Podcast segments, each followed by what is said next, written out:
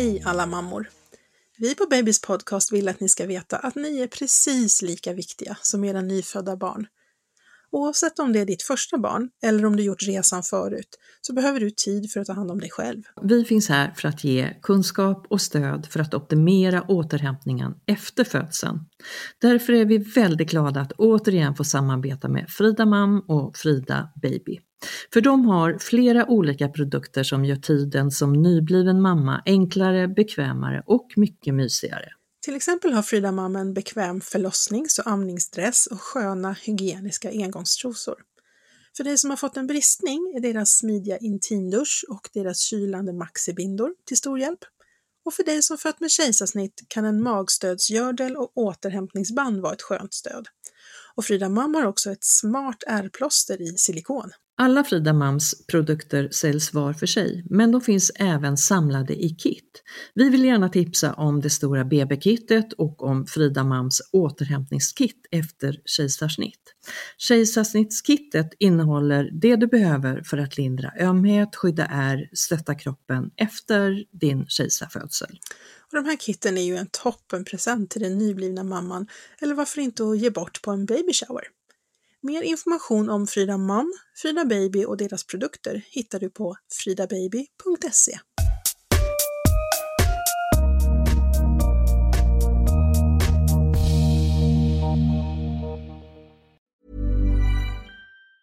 Hej och varmt välkomna till ännu ett Babys podcast. Idag när vi ska prata om ja, den bästa operationen, Rebecka. Ja, det är det ju. Alltså, om, om jag tänker som eh, förlossningsläkare så är det ju absolut den roligaste operationen att få göra. Men det är också en, eh, det här är en operation där det liksom går bra och det händer roliga saker och det, man ser resultat på en gång. Det gillar jag. Ja men precis. Mm. Vi ska prata om kejsarsnitt, kejsarfödsel, magfödsel. Ja, du får välja vad du vill kalla det.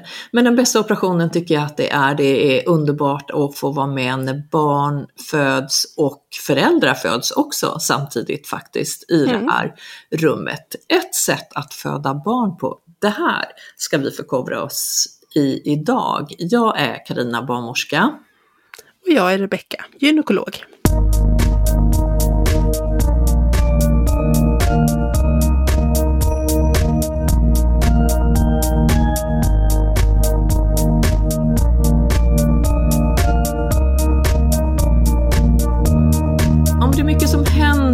Med kejsarsnitt, eh, Rebecka, innan, under, efter? Det här ska vi prata mer om.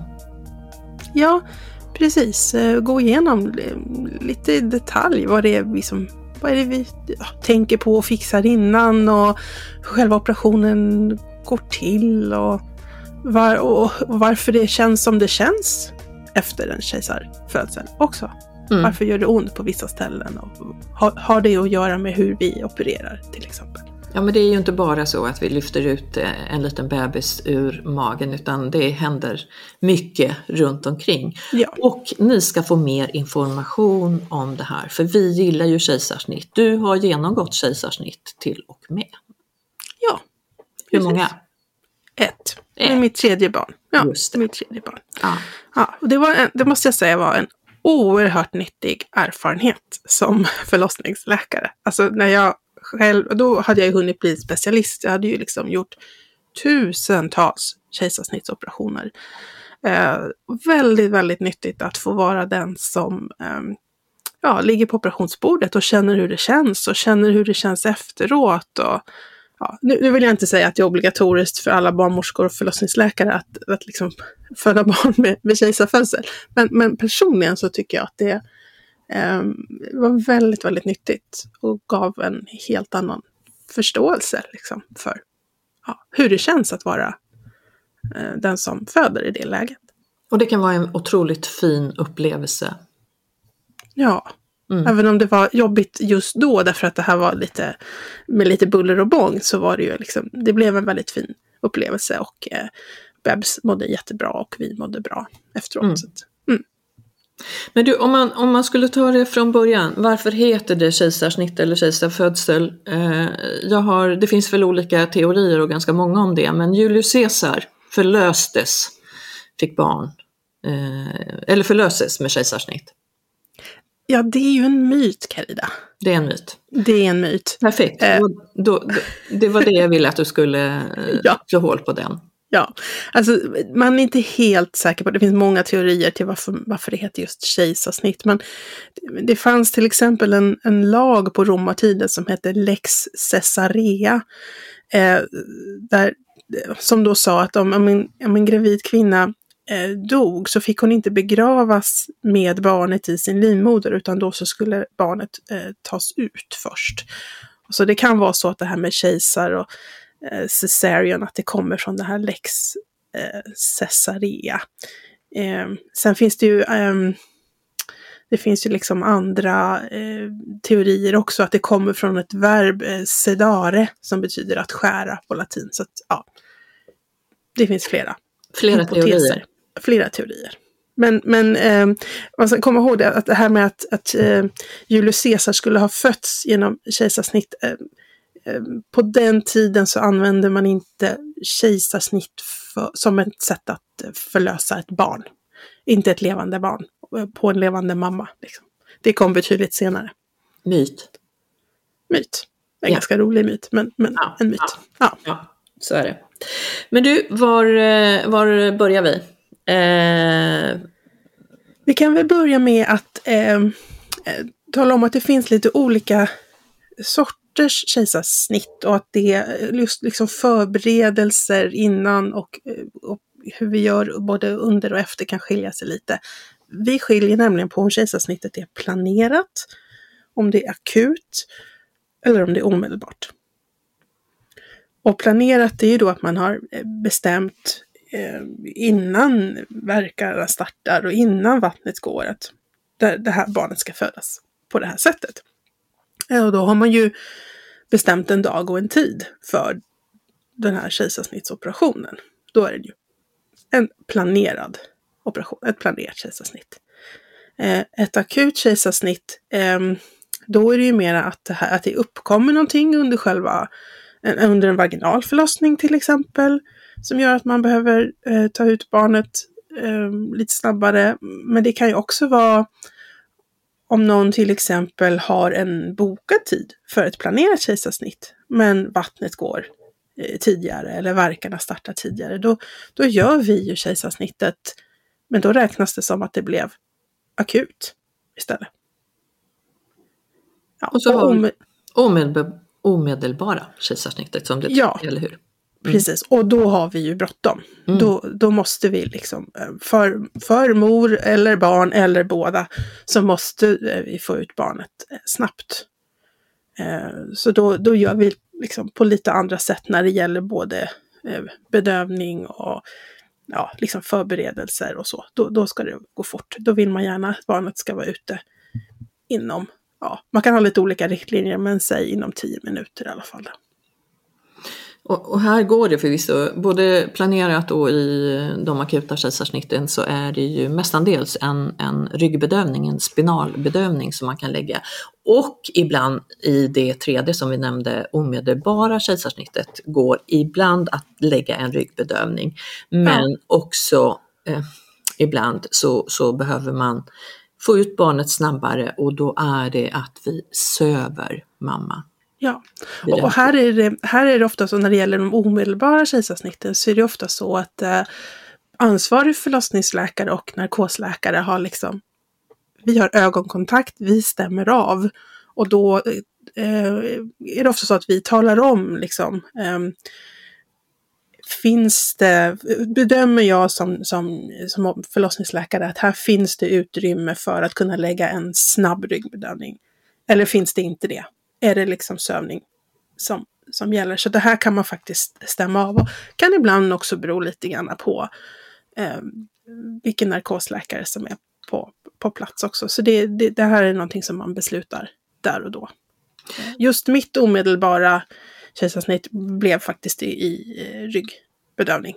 Mm. Och ibland så kan det ju vara så att man har påbörjat eh, födseln eh, innan och man har en, en bedövning som man kanske kan eh, lägga till lite extra bedövning. För det är lite skillnad på, som ni kanske har hört när ni har lyssnat på oss tidigare, den epidural bedövning som man kan fylla på och den här spinala bedövningen som man lägger ryggbedövningen vid eh, kejsarsnitt. Men ibland om man har en eh, epidural så kan man fylla på den till en spinal ibland. Eh, så man får eh, helt enkelt se vad, vad tillfället eh, har att ge. Det omedelbara kejsarsnittet har kallats och kanske på vissa ställen fortfarande urakut kejsarsnitt, men det använder vi inte så ofta idag. Nej. Nej, det handlar väl, det, det här är klart, här handlar det om semantik, det här är ord, men det blir ju kanske mindre skrämmande och mindre dramatiskt om vi säger omedelbart. Mm. Det talar ju också om när det ska vara gjort. Det tycker jag är ganska bra. Att det ingår liksom. Absolut, absolut. Sen, ja. sen, kan det ju vara eh, dramatiskt eh, för det förvisso. Men du, eh, teknikerna har ju över tid, de har ju utvecklats kan man väl säga. och det är väl bra det. Vi blir allt bättre på, på att göra kejsarsnitt och många kejsarsnitt gör vi av, hur många? Ska jag fråga dig? Ja, eh, om man tittar på eh, den senaste statistiken. Eh, den senaste statistiken som finns att få tag på är från 2021, för den från 2022 är inte riktigt klar ännu. Eh, men år 2021 i Sverige så var det 18,6 procent av alla födslar som var med kejsarsnitt, alltså ungefär eh, vart femte barn.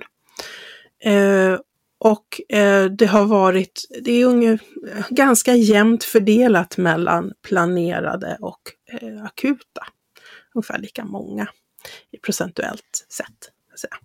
Sen kan det vara, liksom skilja lite i, i kejsarsnittsfrekvens mellan olika regioner i Sverige. Men, men riksmedeltalet var 18,6. Eh, en del regioner ligger lägre och andra regioner ligger högre än så. Säger det någonting om storstäderna eh, kontra landsbygd? Eller ehm, glesbygd? Um, ja, man ser att det är en högre kejsarsnittsfrekvens i storstäder.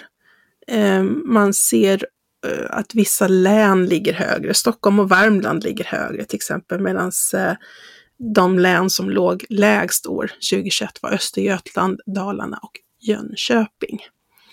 Um, så, men, men i den statistiken så går det ju inte riktigt att se exakt eh, vad det beror på eh, heller. Man kan spekulera om det har med eh, liksom, hur befolkningen eh, ser ut. Eh, om det är mycket förstföderskor, eh, vikt på mammor, ålder, andra sådana saker. Liksom. Men, mm. men, ja.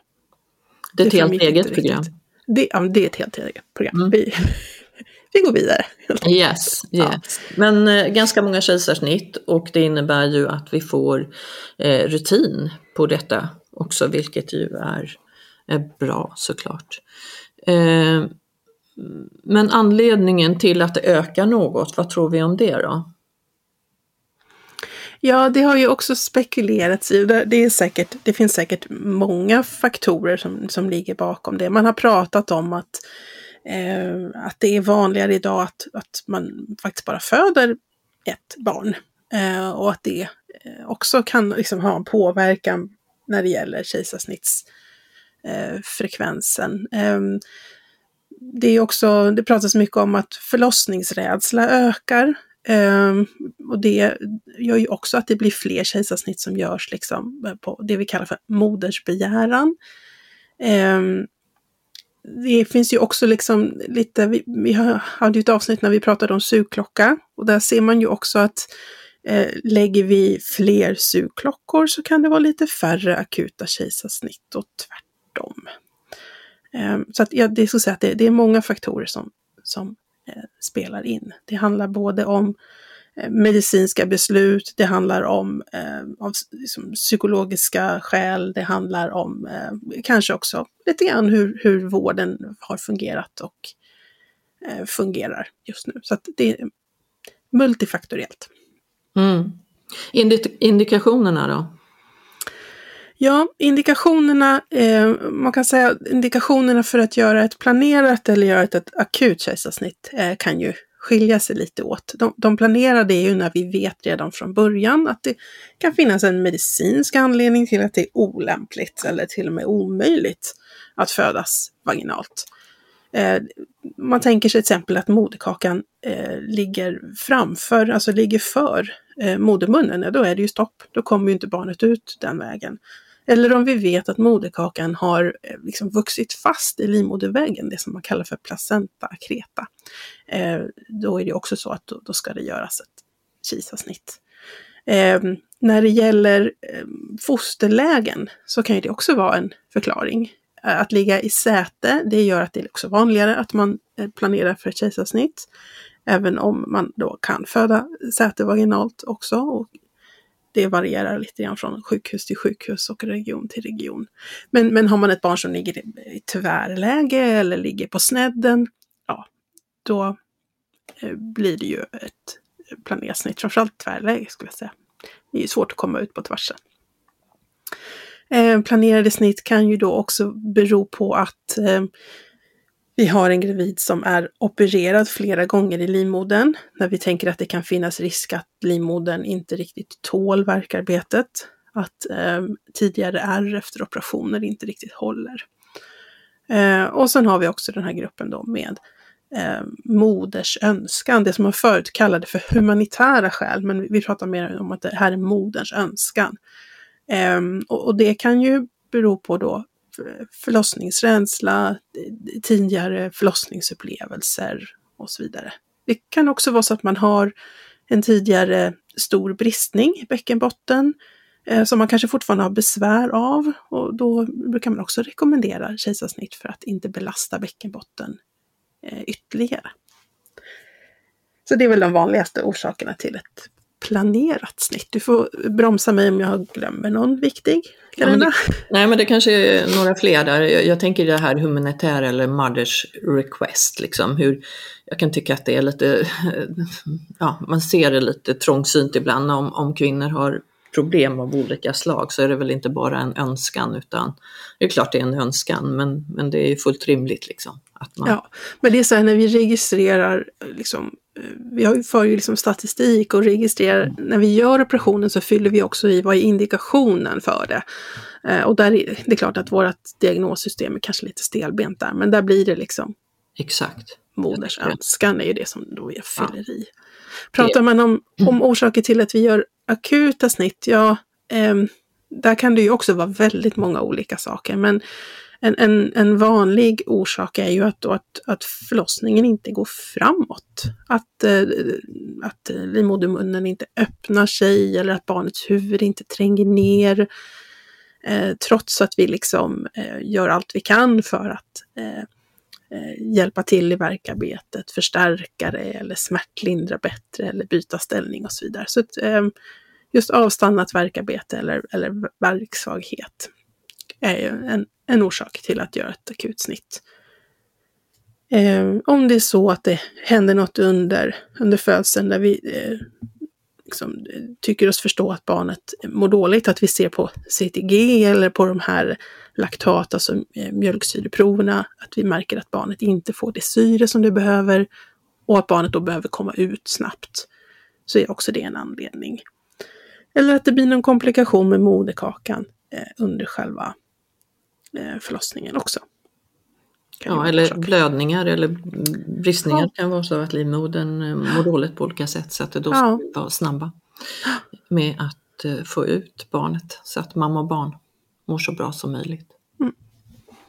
Eh, ja, det finns många anledningar. Eh, det finns eh, fler än de vi har nämnt nu säkert. Många undrar ju varför vi gör planerade kejsarsnitt i så eh, sen graviditet. Men här, är, här vill vi ju vänta så sent som möjligt eh, med tanke på att barn har det ju så bra som den bara kan i mammas mage så länge som ja, som den mår bra där inne. Och, och, här vet vi att vi minskar då problematiken med de här andningsstörningarna hos, hos barn om vi kan vänta. Så att eh, det är en av flera anledningar till att eh, eh vi väntar eh, till ganska långt in i graviditeten innan vi har ett planerat kejsarsnitt. Mm. Och ofta lägger man det här liksom planerade kejsarsnittet ja, kring en, en, vecka före beräknat förlossningsdatum. Ja, det kan variera, säg fyra till tio dagar och det kan ju bero lite grann på. Eh, vi har ju inte planerade kejsarsnitt på helger till exempel. Så att, och då ska man tänka på att en, väldigt många, framförallt förstföderskor, eh, passerar ju sitt beräknade förlossningsdatum eh, med några dagar eller upp mot någon vecka. Det är ju helt normalt och då behöver man inte känna sig så stressad om man har fått ett kejsarsnittsdatum fyra, fem dagar innan beräknad förlossning. Eh, det är, liksom, det är en bra tid att göra kejsarsnittet. Och skulle det vara så att man faktiskt eh, startar upp, det vill säga till exempel att vattnet går eller att man börjar få påverkar, då hör man av sig till förlossningen och så säger man att eh, hej, jag har planerat snitt då och då, men nu har jag börjat få verka. Då får man komma in på en koll och är det så att det verkligen har startat, då eh, ger man ett läkemedel för att bryta verkarna. Det heter Bricanyl. Eh, och så, så gör man kejsarsnittet eh, eh där inom, ja, det brukar inte behöva bli så akut just pang bom då, utan man kan liksom eh, ta det lite lugnt och bara den här verkstoppande medicinen funkar så kan man i lugn och ro liksom göra alla förberedelser och sen göra kejsarsnittet. Här vill man ju gärna att man är fastande ett antal timmar innan, så är inte det här omedelbara kejsarsnittet så avvaktar vi tills eh, du har ja. fastat dina sex timmar eh, cirka, eh, lite olika på olika sjukhusregioner. Eh, men sex timmar bör du vara fastande, inte ha ätit och druckit innan operationen. Mm. Eh, så så det, det väntar vi gärna. Mm. Men du, man kommer på ett inskrivningssamtal och inskrivningssamtal det är, eh, sker både digitala och, och fysiska möten. Eh, viktigt med det här är dock att eh, vi gör det för att du ska få information eh, som blivande förälder. Du tillsammans med din partner, kanske din dola, är med på ett inskrivningssamtal. Eh, och Eh, då är det läkare, barnmorska, anestesipersonal på något sätt som ska förmedla information till dig. Eh, och det är ju klart att den här informationen om hur och när och varför, den är ju väldigt viktig för att du ska känna trygghet i när du kommer till oss sedan, att du får ett datum och så vidare. Eh, om vi ska gå igenom det lite snabbt Rebecka, så, så ja, du kan börja. Ja, när jag som förlossningsläkare har de här inskrivningssamtalen så eh, dels precis som du säger så handlar det om att jag informerar om, om hur kejsarsnittet går till, vad som kommer att hända i operationssalen och hur, hur operationen är och, och, och liksom hur det kan vara efteråt och så. Sen stämmer jag ju också av liksom de medicinska sakerna som som är viktiga. Liksom, hur har graviditeten varit? Eh, är det här en, en frisk eh, födande eller finns det några läkemedel som jag behöver liksom, eh, fundera på själv liksom, i operationssammanhang? Finns det en, har just den här personen en ökad risk för att få blodpropp eh, i samband med operation? Ja, då ska jag sätta in läkemedel som förebygger det och så vidare. Eh, gå igenom så att det inte finns någon allergi som vi liksom har missat. Ehm, det behöver vi också veta. Ehm, och eh, nu under pandemin så har vi blivit vana vid digitala besök och då, då blir det ju liksom ingen undersökning. Men, men är det så att det är ett fysiskt besök så brukar jag ju också eh, känna, känna på livmodern, känna hur, hur barnet ligger. Eh, jag brukar lyssna på hjärta och lungor också på den som ska föda. Um, ja, och sen är det barnmorskesamtal. Ja, barnmorskesamtal och eh, vi tar ju blodtryck om det är ett fysiskt besök. Vi ser ju till att Eh, vi har ett CTG, alltså eh, tittar på fosterregistreringen på bebisen. Eh, vi eh, informerar om blodprover som du eh, ska ta inför operationen. På barnmorskemottagningen så har du ju tagit en blodgruppering men vi behöver också en bastest, en basbestämning till den. Den hör alltså blodgrupperingen till ifall eh, det skulle uppstå blödning eh, vid operationstillfället. Så att eh, blodvärde, HB och bastest ska du ta eh, någon eh, eller ja, dagarna innan, dagen innan eller någon dag innan. Eh, och det här skriver man då en remiss till blodcentralen eller till eh, vad heter det, provtagningscentralen eh, mm. som du kan gå och ta. Eh, som vi sen kollar upp inför då, alltså morgonen, sam, samma morgon så ser vi till att alla prover och så finns eh, tillgängliga. Eh, så det, det, här, eh, som sagt, det skiljer sig om det är ett fysiskt, digitalt eh, videomöte eller förinspelat. Men informationen är ju viktig. Du nämnde eh, sätta till eller dra ifrån läkemedel så att du får information om det. Vi ska också informera om fasta, eh, när och hur du får dricka eller inte får äta och dricka. Vi informerar också om att du ska ta bort alla piercingar, heter det väl, alla ringar, smycken, också hur du ska duscha. Och det här kan skilja sig lite mellan regionerna, men det är en viktig information information eh, som, som vi ska ge vid det här tillfället. Eh, och så brukar det vara vid det här tillfället, inte alltid dock, en narkos, alltså anestesiläkare som frågar om eh, reaktioner, allergier, eh, också berättar hur den här eh, spinal, alltså ryggbedövningen går till. För den här kan man lägga på två olika sätt. Man kan sitta upp på operationsbordet, man kan ligga ner eh, på operationsbordet, får lokal bedövning innan och så vidare. Så att det här är information som för de flesta ingår i det här inskrivningssamtalet. Mm. Och sen eh, den dag som man ska opereras så eh, kommer man ju oftast ja det beror på hur dags på dagen man ska opereras, men ofta kommer man ju ganska tidigt då på morgonen eller förmiddagen. Och träffar väl den barnmorska som ska vara med under kejsarsnittet också, eller? Ja, eh, antingen det eller en, en barnmorska som har hand om de här eh, födande via mm. kejsarsnittparen då. Eh, och, och och eh, här är det lite samma, man kontrollerar då de här labbproverna eh, blodvärdena och bastesten återigen, att allting finns på plats. Man tar ett blodtryck. Eh, man eh, tittar ibland med ultraljud, det beror lite på om bebisen eh, har legat i säte innan så kan man behöva verifiera hur bebisen ligger nu. Det händer faktiskt att man har ett kejsarsnitt planerat på grund av att det är ett sätesläge med bebisen men eftersom bebisen vid det här tillfället har vänt sig med huvudet ner så, så kan vissa ibland välja faktiskt att åka hem och invänta den vaginala födseln, så det händer.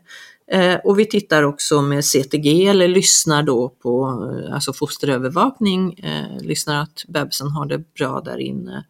Eh, vi kan sätta en eh, infart, alltså en PVK, en liten sån här plastkateter i handen och ibland så kopplar vi en, ett dropp, ett infusion till den. Eh, I andra sammanhang så kan det vara så att man gör det här när man kommer till operationsavdelningen, så det beror lite på vilken tid man har fått eh, det här snittet eh, och eh, också vad man behöver för läkemedel. Om man är diabetiker till exempel kan man behöva dropp inför. Blodtryckskontroll kanske jag sa, det tar vi alltid återigen. Eh, och sen så känner vi på magen också, inte bara det här ultraljudet utan det här YP, yttre palpation, som betyder att vi känner på bebisen hur bebisen ligger. Huvudet ner, huvudet åt sidan upp, hur det kan vara snedläge. Mm. Eh, och sen så får man Alvedon, alltså paracetamol, det är som en liten grund till smärtlindring inför snittet. Yes. Och så kommer vi till eh, operationsavdelningen, det här, det här sker oftast eh, på kanske närliggande rum eller avdelning, men så kommer man in till operationsavdelning, operationssalen. Eh, ID-kontroll, återigen, jag har inte sagt det tidigare, men det är såklart alltid när man kommer in att man kontrollerar eh, ID. Man tar blodtryck igen, det är, eh, man lyssnar på bebismagen, fosterljud, labbsvaren kontrolleras återigen. Det är väldigt mycket runt omkring det här, allting ska stämma. Eh, på operationssalen så befinner sig många personer. Man brukar säga att max 12 personer får vara här. Eh, och då är det eh, narkospersonal, olika kategorier, det är förlossningspersonal, olika kategorier, eh, barnläkare ibland, men oftast eh, är de i närliggande eh, lokaler och vet om att det är kejsarsnitt. Eh, du har fått på dig innan, ska vi säga då, eh, operationsmössa och eh, kläder som hör operationen till. Eh, och får då sätta dig eller lägga dig på det här operationsbordet för att få den här spinalbedövningen. Du blir också uppkopplad som vi kallar det med sån här EKG eh, för att vi ska kunna kontrollera eh, ditt hjärta, puls, blodtryck och blodtrycksmanschett och, och hela det. Så att vi kan se hur du cirkulatoriskt mår under operationen. Väldigt viktigt. Och har du inte fått den där lilla infarten innan i handen eller i händerna i armen med dropp så kommer du att få det när du är här. Eh, det som händer mer inne på det här rummet, eh, jag skulle säga att ta med dig, man kan göra det här, ofta så är det väldigt härlig stämning inne på operationsrummet.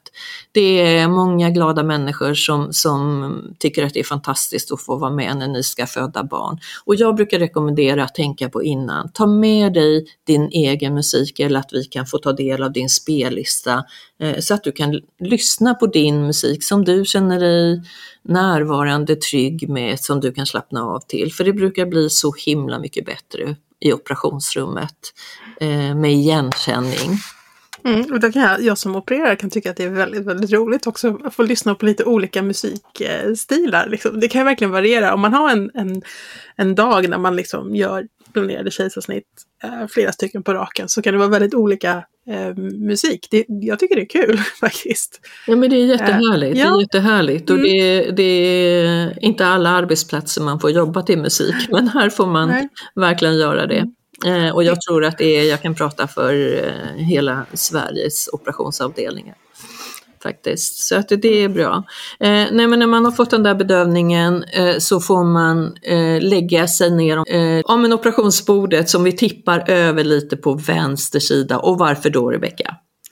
Ja, det är för att livmodern inte ska trycka på den stora hålvenen eh, och då liksom försämra cirkulationen. Det här kallas ju då för vena cava syndrom och det har vi ju eh, pratat om i tidigare avsnitt och också skrivit lite om på Instagram, så det kan ni kika på. Men tippar man liksom lite åt vänster så tippar livmodern också åt vänster och då eh, är fri, hålbenen liksom fri och cirkulationen är fri. Låter bra. Man har fått eh, en kateter innan eller får det precis vid det här tillfället för att Eh, man inte kan kissa på ett tag. Eh, den blir man av med sen efter operationen och hur lång tid efter operationen det beror lite på eh, hur du mår och var i landet du befinner dig. Så en kissekateter som, som man sätter som oftast när du har fått den här bedövningen så att du ska känna så lite som möjligt av den. Sen så kommer man att tvätta magen och det här operationsområdet med sån här desinfektionssterilt medel. Man klär in magen med gröna sterila dukar.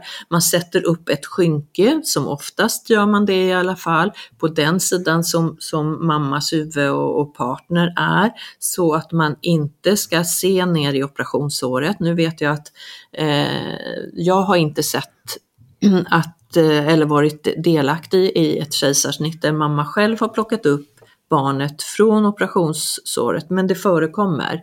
Eh, och då har man såklart inte det här skynket eh, för, utan då har man klätt ända upp till eh, mammas huvud kan man säga.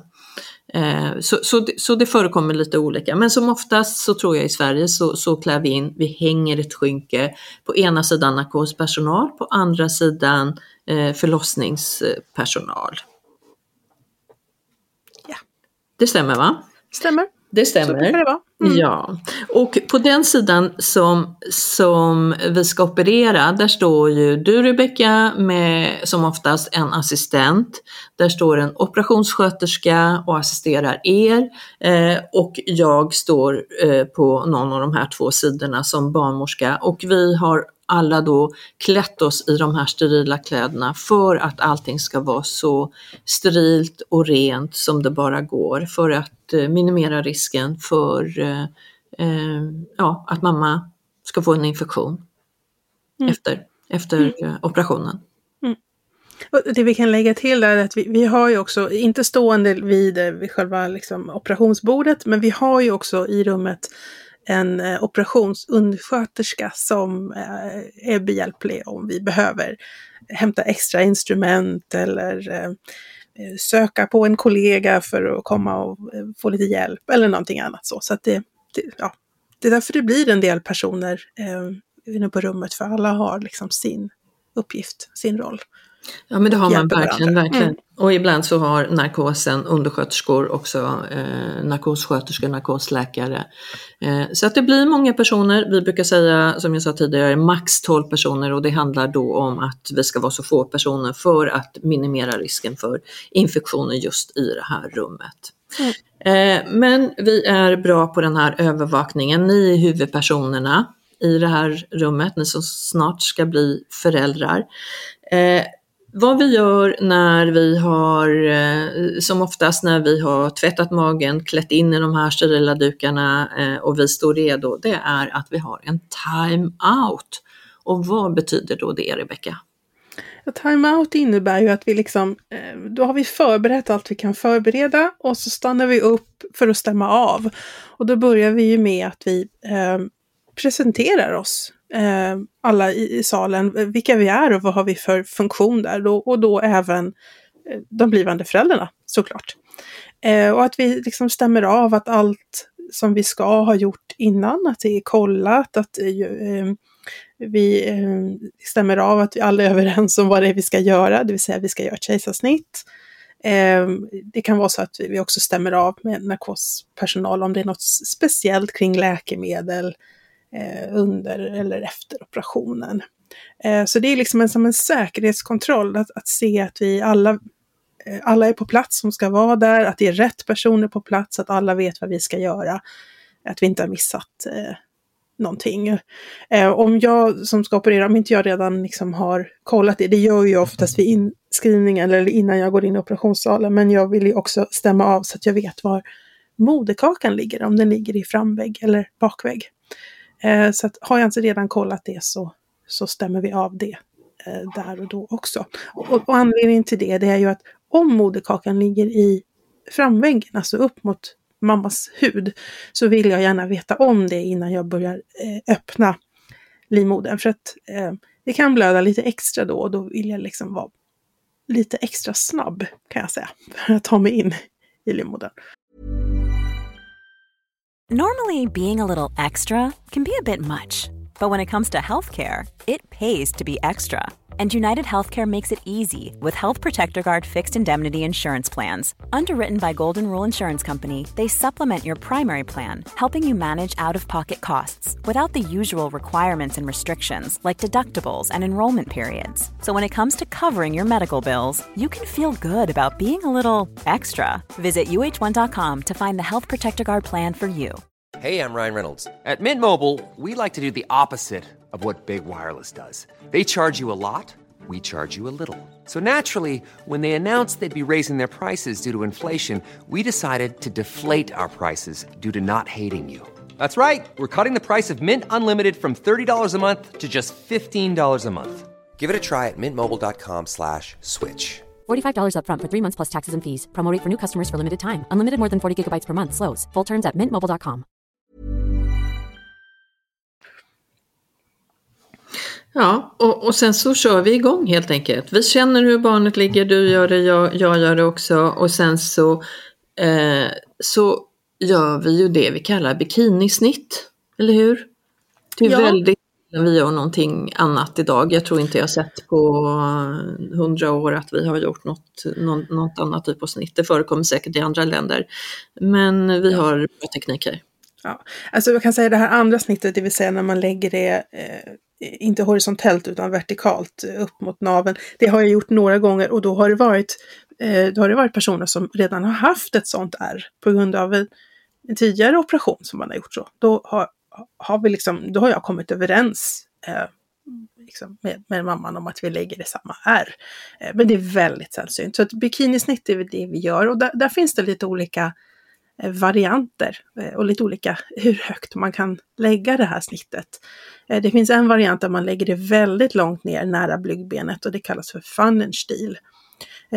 Sen har, har, studier visat att, att en annan operationsteknik när man lägger det här snittet betydligt högre upp, det kallas för Joel Cohen, ehm, att det är förknippat liksom med, med mindre komplikationer. Ehm, ett klassiskt Joel Cohen, då, då tittar man på Eh, de här utskjutande bentaggarna, liksom höfttaggarna framåt. Och så tänker man sig en linje dem emellan och så tre centimeter nedanför lägger man det där så kan det bli det kan, kan bli lite högt. Det kan vara så att det syns eh, när man har en bikini. Eh, så att det vanliga är nog att man lägger det någonstans mitt emellan Pfannenstiel och en klassisk Joel Cohen. Och då kallar man det för ett modifierat Joel Cohen. Men det brukar bli väldigt snyggt att lägga det där. Då ligger det liksom dolt under tros eller bikinikant och det är också på lagom höjd att operera. Och, och Rebecka, är det så att man har ett eh, tidigare snitt så lägger man det ju i detsamma?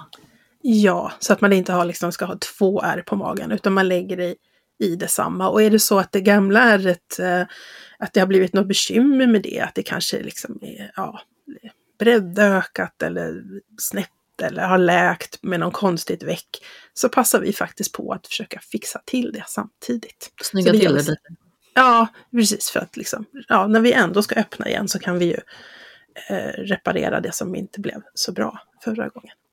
Så att man går in i samma om det finns ett R redan. Och vad säger du om längden på 15 centimeter då? Ja, någonstans där ska vi ju eh, hålla oss så att säga. Det, för det man måste tänka på att man får inte göra en alldeles för liten öppning heller. Eh, det är ju faktiskt så att här ska ju ett barn födas ut genom magen. Det måste ju få plats helt enkelt. Så att 15 centimeter brukar vara eh, lagom. Eh, sen ibland om det, om det är klurigt eller svårt eller stramt så kan man behöva göra det lite längre, men, men oftast inte. Utan 15 centimeter brukar räcka. Så att man börjar helt enkelt med att gå igenom huden. Ehm, jag ska säga, jag ska faktiskt backa ett steg. Innan jag ens gör det så testar jag så att bedövningen verkligen har tagit ordentligt. Då brukar jag nypa lite med en, eh, en liten vass eh, piang eller en liten vass pincett bara för att vara helt säker på att bedövningen har tagit bra. Sen börjar vi operera. Så första steget är då att ta sig igenom huden och då kommer man ner till fettväven. Eh, och den kan ju vara olika tjock beroende på vem personen är som vi opererar. Eh, det kan man oftast ta sig igenom liksom bara med eh, fingrar och separera fettväven. Eh, ofta, det är så att vi har ju lite olika tekniker, också i olika länder, men i Sverige är det ofta så att vi försöker så mycket som möjligt göra det liksom, trubbigt eller digitalt och inte med vassa instrument för att vi tänker att eh, det, det liksom blir en bättre eh, läkning då om det får dela sig efter kroppens egna fibrer. Så man delar fettväven och då kommer man ner till någonting som heter fascia och det är alltså en kraftig eh, bindvävsstruktur. Eh, och då eh, så öppnar man den. Där finns också lite olika tekniker, att man, man kan öppna ett litet hål med eh, sax och pincett och sen öppna med fingrarna. Eh, och ibland om det är så att den här personen är opererad tidigare så kan man behöva använda lite trubbig teknik med sax och det kan ta lite tid att komma in genom fascian om, om det är ärrigt där. Och när det lagret är öppnat, då kommer man fram till den raka bukmuskulaturen. Och då skulle jag säga att hos de allra flesta så här sent i graviditeten så har redan den här raka bukmuskulaturen faktiskt eh, delat på sig. Eh, så att vi har redan liksom en, lucka eh, där vi kan ta oss in. Och är det så att fortfarande de raka bukmusklerna är ganska nära varandra så kan man då med fingrarna öppna upp och, och liksom dela dem, fösa dem åt sidorna. Så det här är jätteviktigt att komma ihåg att vi skär ju inte av några bukmuskler när vi gör kejsarsnitt. Utan vi bara föser dem eh, åt sidan helt enkelt. Eh, och nästa steg är ju då eh, bukhinnan. Den, kan man, den är tunn så den kan man oftast dela bara med fingrarna. Och då kommer man fram till eh, livmodern. Eh, och eh, för det mesta så är det så att man kan liksom direkt eh, börja öppna livmodern ibland är det så att urinblåsan liksom har dragit sig upp ganska högt upp på livmodern och då kan man behöva liksom skjuta ner den lite granna. Eh, vanligtvis behöver man inte göra det, utan man kan direkt öppna eh, livmodern. Och eh, då har ju livmodern en del som vi kallar för istmus eller eh, nacken. Eh, det är ett område som i slutet av graviditeten är ungefär 10 centimeter.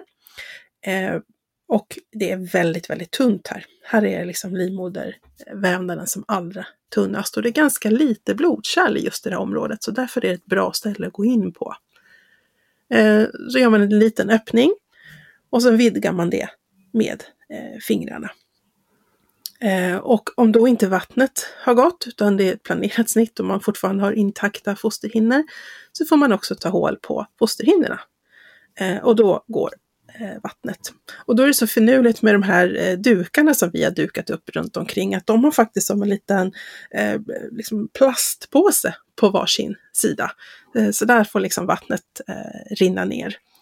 Ehm, ibland missar man och så står man där och så önskar man att man hade gummistövlar på sig. Det, det, faktiskt, man kan bli lite blöt om fötterna när man opererar. Men det kan man väl tillägga Rebecka, att där har vi en liten sug också som suger ja. fostervatten. Ja. För fostervatten Precis. är ju en till en och en halv liter. Så där kan ni höra ett litet ljud som låter ja. så här lite grann. Precis. Och det är ingenting annat farligt än, än den här sugen som ska eh, mm. suga då upp det här fostervattnet. Mm. Och det, är också, det, det, kan vara bra att veta om för det är många som undrar sen liksom, ja, hur mycket blödde jag och hur räknade ni ut det? Och då är det faktiskt så att när vi eh, när vi börjar suga upp fostervattnet så narkospersonalen eh, håller, både narkospersonal och eh, undersköterskor håller en koll på hur mycket fostervatten blev det? Vad kom liksom nivån upp till? Och sen om det är så att det blöder under operationen, eh, när man liksom mäter den totala mängden som man har sugit upp i sugen, så räknar man ju bort fostervattnet såklart. Så att det här har vi järnkoll på så att vi inte liksom överskattar blödningsmängden heller. Eh, men i alla fall, nu har vi tagit oss in i livmoderrummet och vi har tagit hål på fosterhinnorna. Eh, då eh, kommer vi ju fram till barnet. Och beroende på hur barnet ligger så är det ju antingen då att jag för in min hand och eh, känner huvudet eller ibland är det i rumpan eller fötter eller så. Eh, så att jag tar ut föregående fosterdel, alltså det som bjuder sig först helt enkelt. Och när, när barnet då har kommit ut ur livmodern så räcker jag barnet till dig Karina om det är du mm. som står bredvid mig. Till barnmorskan ja. helt enkelt.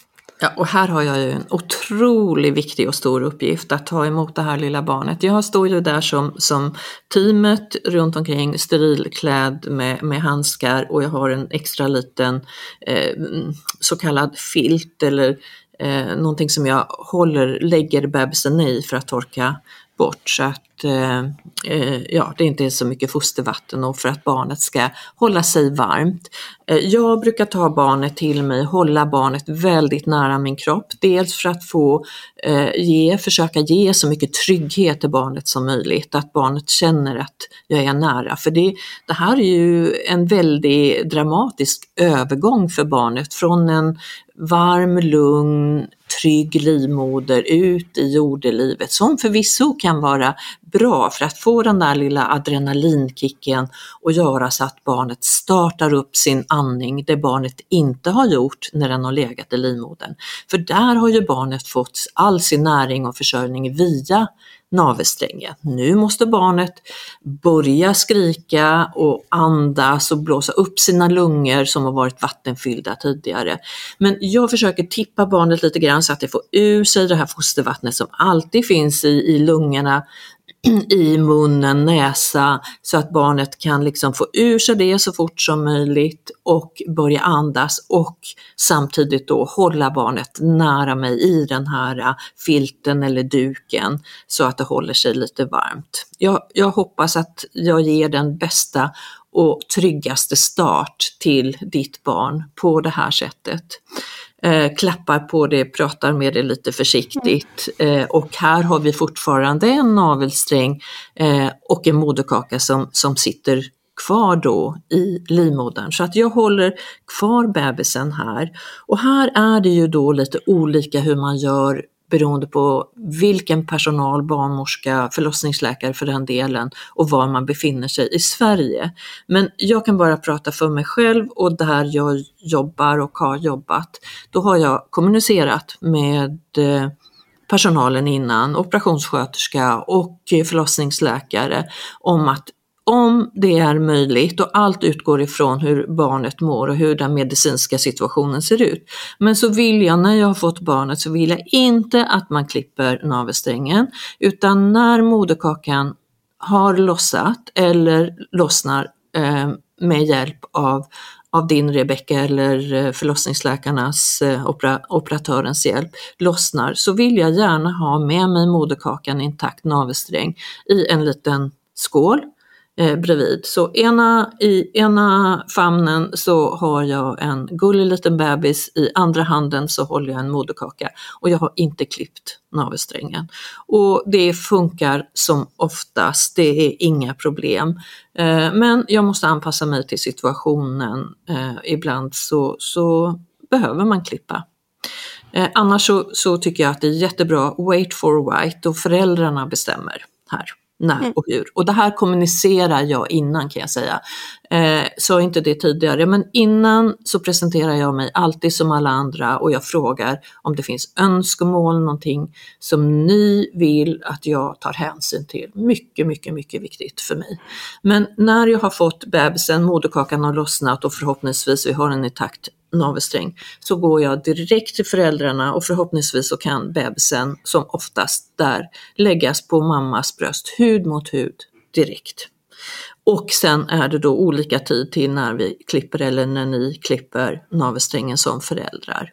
Om barnet mår av någon anledning sämre, inte startar upp sin andning precis. För, för det som händer mer ofta med, med bebisar som föds med kejsarsnitt det är att det kan ta lite längre tid. Man kan få en andningsstörning eh, som, som bebis alltid, men ännu mer när man är född för det går ju lite snabbare i övergången från, eh, från födseln när man gör ett kejsarsnitt. Så därav så kan det ta lite längre tid innan barnet startar upp sin andning och då har jag ju eh, allting som jag behöver närliggande, ett barnbord så kallat med, med extra syre eller övertryck eller vad jag kan behöva. Och barnläkare, om inte inne på rummet, så, så tillkallar jag om vi behöver. Och då kommer alltid eh, om den medföljande föräldern eller partnern eller mm, ja, den person som, som du har med dig vid kejsarsnittet kommer med barnet ut till det här barnbordet. Och så gör vi, gör vi allt för att barnet ska ha det lugnt och tryggt och få precis den vård och omvårdnad som, som den behöver. Och behöver vi gå till det här barnbordet så är det oftast inte under så lång tid utan bara se till att ja, men det var en återhämtning för barnet tillbaks till mammas bröst. Så vi eftersträvar alltså att du ska få barnet hos dig för bästa eh, och längsta anknytning och, och ja, ingen separation helt enkelt.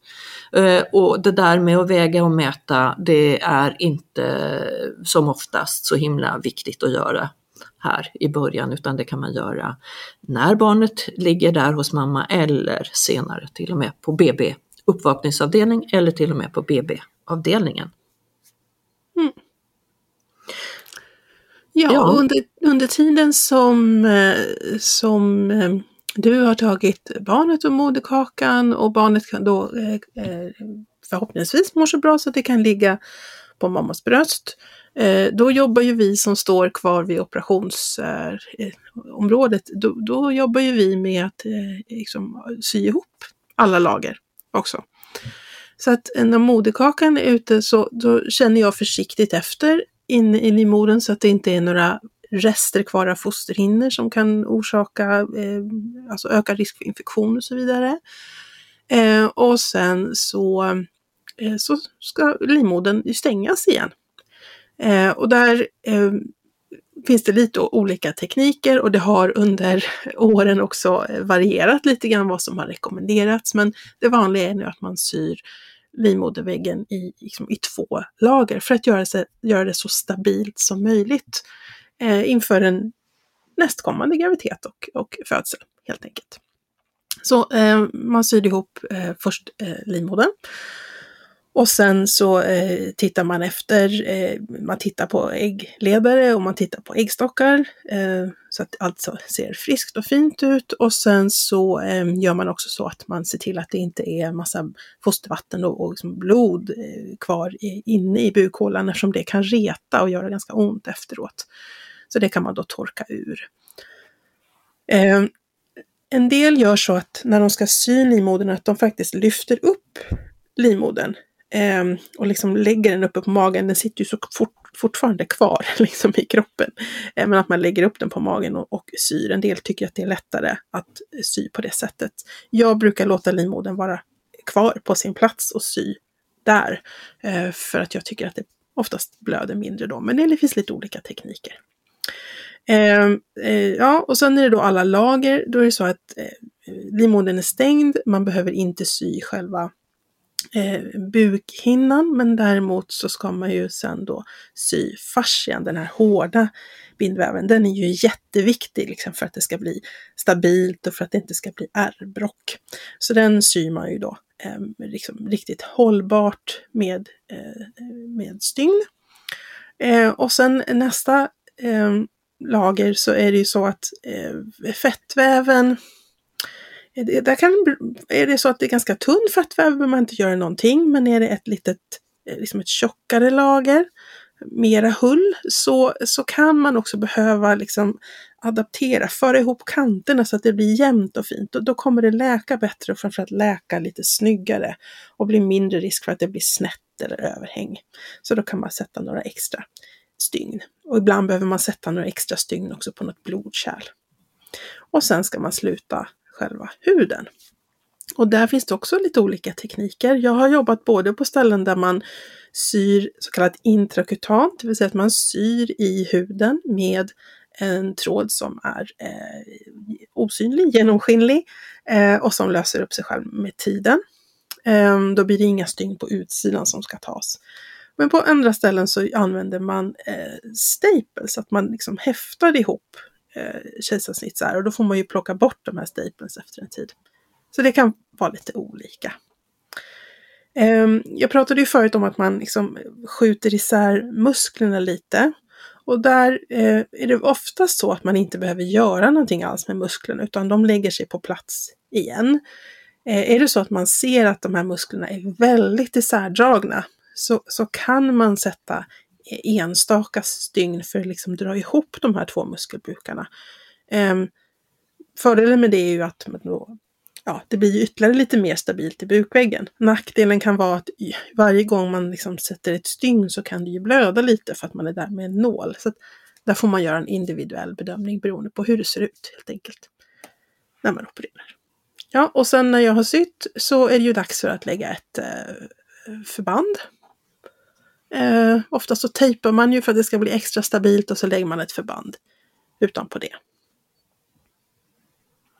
Ibland lägger man ju lokal bedövning också i själva såret för att ja. det ska minska smärtan ja, direkt efter. Det förekommer också och det, eh, det kan kanske också skilja lite grann från mm. vilken klinik man jobbar på. Och på en del ställen jag har jobbat så gör man det på vissa patienter och inte på andra. Och så, så det, det kan se lite olika ut hur man gör.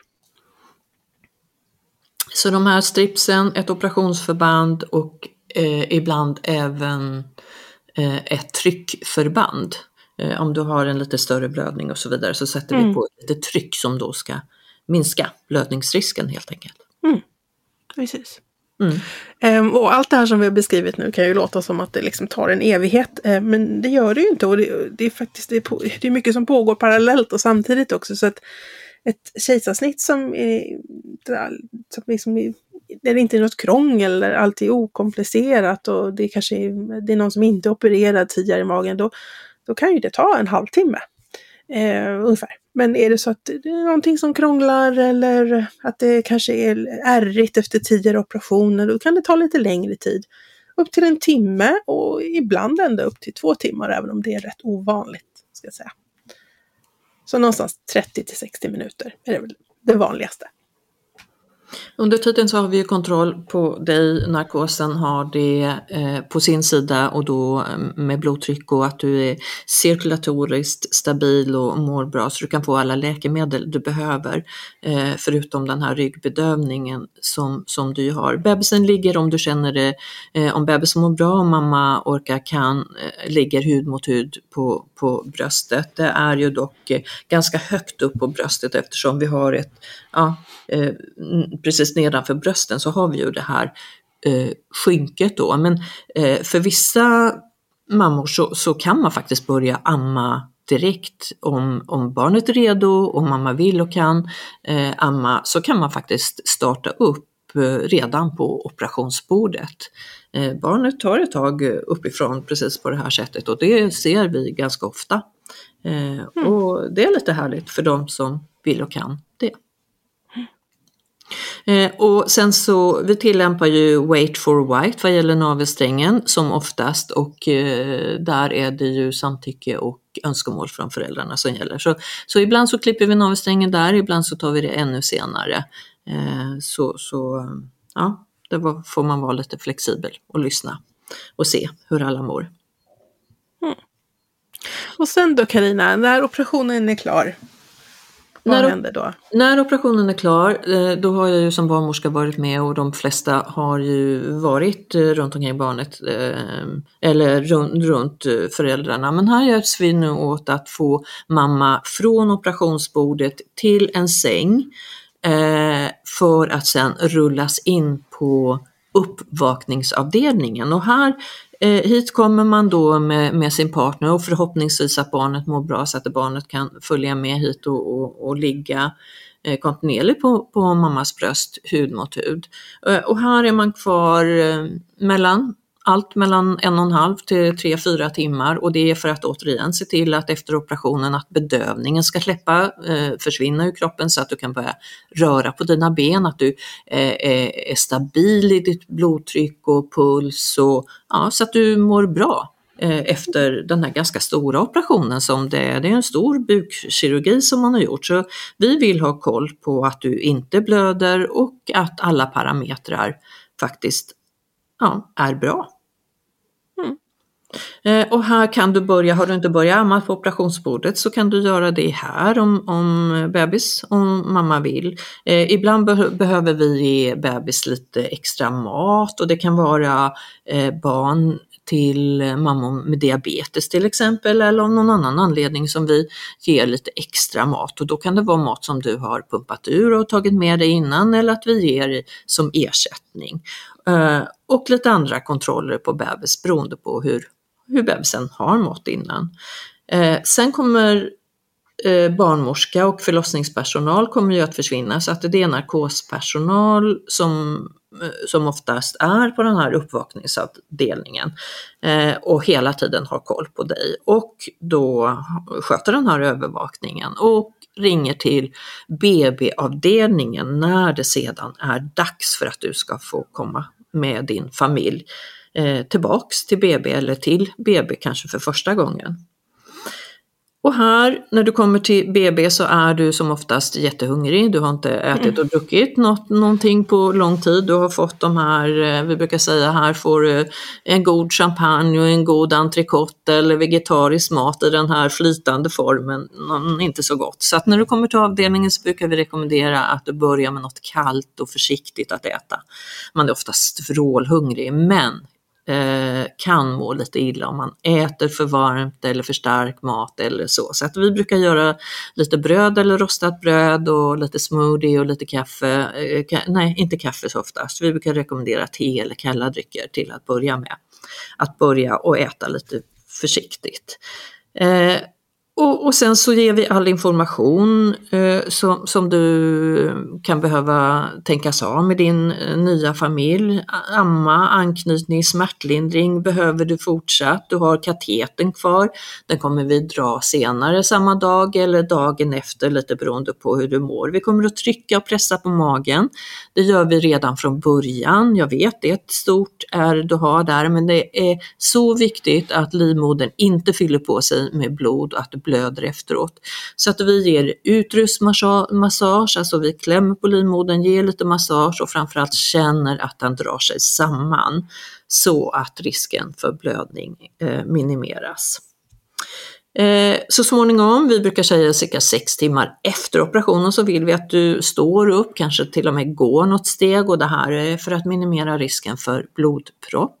Så försök att pendla, rör dina fötter eh, redan när du ligger i sängen och, och sen så ska vi se till att du får information så att du kan resa dig upp på bästa sätt. Eh, att inte använda dina bukmuskler utan använda dina ben och armmuskler mer när du tar dig upp. Men all den här informationen får du av barnmorskor och undersköterskor på BB-avdelningen.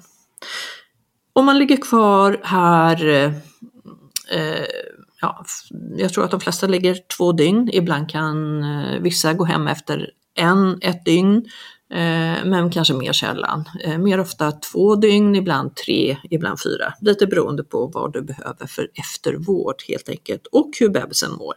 Så vi kontrollerar ju barnet, hur barnet mår och, och gulheten på barnet om, och det blir ett barnläkarbesök eh, efter att barnet är fyllt 24 timmar eh, eller därefter. Du får även träffa en förlossningsläkare eller en obstetriker som berättar hur, eh, behöver inte alltid nödvändigtvis vara den som opererat, men någon läkare som som ger information om hur operationen har gått, information om hur du ska tänka närmsta tiden eh, och eh, tiden därefter också, om graviditet, träning, kost och eh, allt därtill.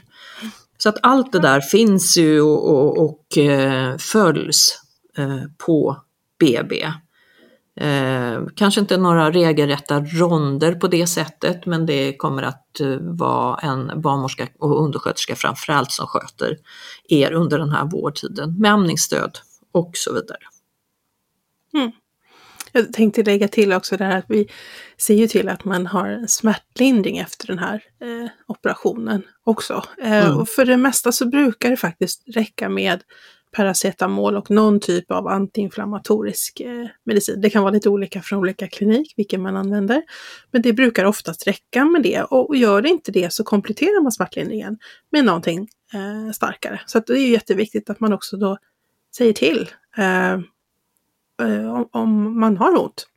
Eh, så att vi vet det, så att vi kan hjälpa till och ordinera det som behövs. Det är väldigt bra och vi, vi barnmorskor vi ger ju det här eh, ja, gärna för att det är ju så viktigt att du hellre kommer upp och mobiliserar dig och är smärtlindrad.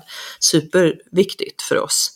Eh, då mår du ju mycket bättre så att vi, vi har ju eh, färdiga ordinationer som vi kan ge. Mm. Komplettera lite olika. Eh, vad skulle jag säga mer om det? Jo, men sen så, eh, vi, ser ju, vi är ganska tjatiga med det här att eh, när du sedan har blivit av med katetern att du ska kissa inom ett visst antal timmar. Och det är för att urinblåsan inte ska fylla sig med urin och att det, eh, du ska få problem av det slaget. Så att vi, vi är ganska noga med och kollar eh, väldigt ofta hur livmodern drar sig samman, känner på magen men också eh, mäter i vissa fall hur mycket du kissar så att du tömmer urinblåsan ordentligt och fortsätter att kissa ordentligt. Mm. Efter det. Ja. Och tittar såklart efter blödning också. Och här är det ju faktiskt så att eh, många tror inte att det här efterslaget eller blödningen efter ett kejsarsnitt eh, ska vara samma som när man har fött vaginalt, men det är det ju faktiskt. För såret i livmodern där moderkakan har suttit, den, det är ju detsamma oavsett på vilket sätt du föder barn. Så att vi, vi ser gärna att det blöder lite grann där, att det kommer ut ur livmodern, den blödning eh, som, som uppstår i det här såret. Mm.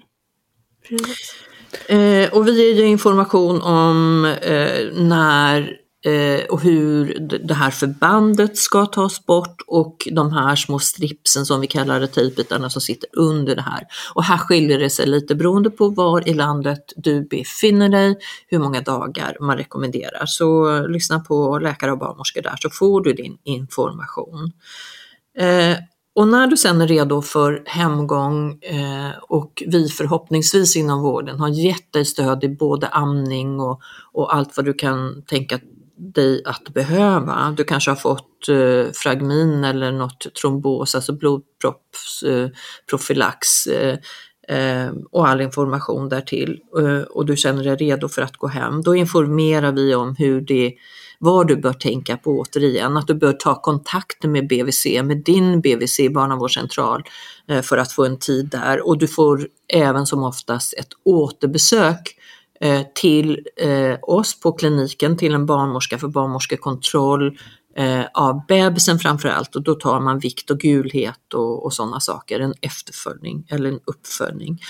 och även där kommer det att ske som automatiskt att från eh, barnmorskemottagningen så kommer mamma få ett återbesök inom några veckor. Mm. Och när som då, vi kallar för efter, efterkontroll, efter helt enkelt. Ja. Precis, precis. Mm. det är för att se som, som efter en vaginalfödsel, bristning, eh, hur, hur det ser ut men även efter ett kejsarsnitt hur allting har varit. Och det här rent mentala, fysiska stödet, du behöver ju det. Du behöver liksom kanske prata av dig det, nu eh, är det många planerade snitt men de här akuta också. Här kan det ha hänt saker eh, väldigt traumatiskt, dramatiskt som, som man faktiskt behöver stöd i och få, få ventilera med flera olika personer. Så att det, eh, ibland så är det nödvändigt med återbesökstid eh, av den anledningen. Rent medicinskt men också eh, rent mentalt. Så det är viktigt mm. att vi erbjuder Ja, och då kan det ju vara så, är, är det just ett akut eller ett omedelbart kejsarsnitt där det har varit eh, men, komplicerat eller dramatiskt eller någon, no, på något sätt, då är, brukar jag erbjuda eh, ett återbesök på,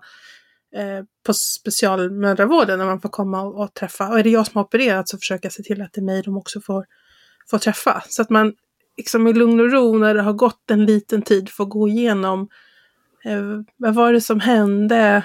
Eh, liksom, vad var det som gjorde att vi behövde göra det här snittet och, och så vidare. Man kan, det kan ibland vara svårt att komma på alla de här frågorna direkt efter och så får man komma hem och så mognar det lite och då är det bra att ha en avstämning med eh, förlossningsläkare och förlösande barnmorska och så vidare. Ja men det är det. Och det är aldrig för sent utan du kan tänka så här att är det frågor, funderingar som dyker upp eh, senare så, så ta kontakt med Eh, förlossningen eller kliniken där du har varit och be om ett samtal. Det finns alltid Aurora-grupper, det finns samtalsgrupper, det finns barnmorskor, kanske barnmorska som var med eller läkare som var med på operationen så att du får prata igenom. För att det, alltså vi har ju ett liv efter detta som ska bli så bra som möjligt eh, för allas vår skull, så, så ta hjälp. Vi måste finnas inom vården för, för din återhämtning och för familjens återhämtning på bästa sätt. Eh, du har ju en återhämtning efter detta som sagt och eh, vi informerar också om hygien, alltså bada, inte duscha, eh, det här med eh, när du kan återgå i ditt, eh, eller det kan ju bara du bestämma, men ditt eh, sexliv när du ska återuppta det. Eh, lyssna på dig själv, lyssna på kroppen, kanske använd kondom i början vid vaginala omslutande samlag till exempel. Att du inte i början ska använda mensskydd eh, som förs in i slidan om du nu får tidig mens och så vidare. Så det, det kan vara lite grann att tänka på. Men, men här eh, kan du också få stöd och hjälp från BVC eh, som även följer upp barnets längd och vikt och vaccinationer och ja, tiden, tiden efter, postpartumtiden. Eh, det är viktigt och Uh, Rebecka, du är ju den kostrådgivare som du är, men här är det ju viktigt att röra sig, men också äta och dricka fiberrik mat uh, så att, uh, för att undvika förstoppning. För efter ett kejsarsnitt så kan det ta många dagar innan magen kommer igång och det är jätteviktigt att du, om nu inte vi på sjukhuset har den bästa kost för att underlätta för det här så kan du tänka att du kanske tar mer extra fibrer eller vad som kan vara bra, funka för just din mage, att du rör på dig, får igång cirkulationen lite grann. Dricker eh, bra, mycket eller lagom mycket. Eh, kanske undvika det här som ger mycket gaser som bönor och, och linser och sånt där i början. Mm. Eh, men här kan du också få tips och råd eh, från, från vårdpersonalen. Och samma det här med amning och amningsstöd i efterförloppet. Eh, också det här med baby blues, eh, förlossningsdepression eller eh, ångest, vad man kan känna efteråt, nedstämdhet. Här eh, ska vi också vara bra på att, att ge dig stöd.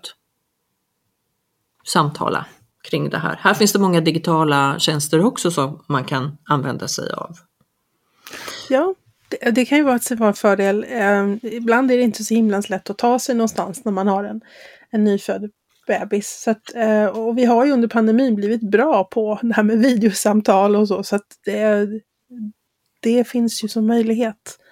Eh, liksom, på de allra flesta eh, mottagningar och kliniker att man kan få det stödet mm. digitalt. Mm. Ja men verkligen, verkligen. Ja, men vi säger väl grattis till alla som har blivit föräldrar genom ett av eh, två förlossningssätt.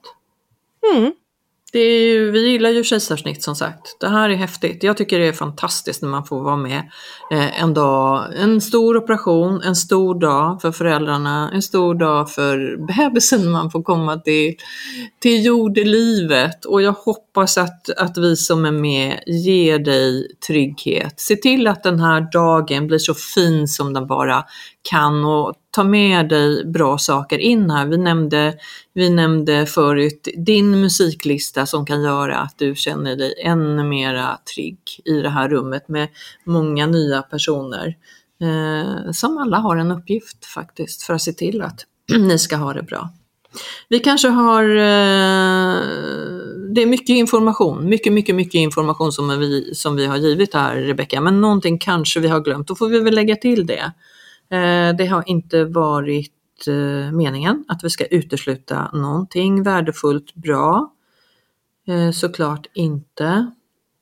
Vad tänk, tänker du någonting? Har jag glömt något? Nej, jag tänker, nej, men vi, jag, jag tänker så här, ja vi har säkert glömt något. Och det, är mycket, det är flera olika aspekter på det här med kejsarfödsel som vi inte har diskuterat just i det här avsnittet. Men vi har ju andra avsnitt där vi faktiskt har pratat om det. För, eh, för, inte så länge sedan så pratade vi med Ina Schuppe-Koistinen om, omkring det här med mikrobiom eh, när man föds med kejsarsnitt eh, jämfört med eh, vaginal förlossning och lite grann eh, om det har någon betydelse och vad man kan göra åt det. Så det avsnittet mm. kan jag också rekommendera. Där är vi också lite inne på det här med kejsarsnitt.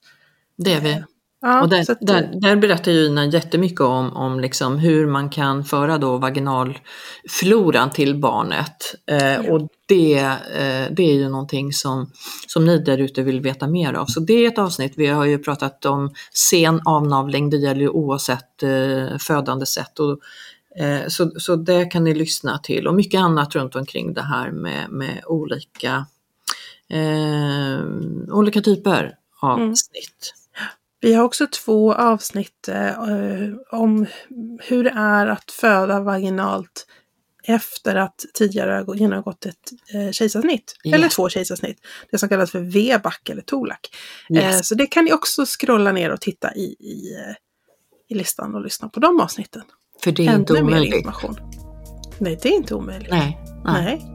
Det är så inte ovanligt heller. Det är inte ovanligt heller. You right. Uh, ja, jag tror inte att ni orkar med oss mer idag. Ni har fått mycket information och som sagt, eh, världens bästa operation tycker vi att det här är. Det kommer ett eh, barn nyföds som föräldrar. Fantastiskt. Ta väl hand om er där ute. Rebecka, tack för all bra information som du har givit våra lyssnare. Tack själv Karina. Tack, tack. Du, vi är snart tillbaks och eh, lyssna på våra andra avsnitt som handlar om det här ämnet, kejsarsnitt, kejsarfödsel, vad du nu kallar det, magfödsel och alla, alla, alla våra andra.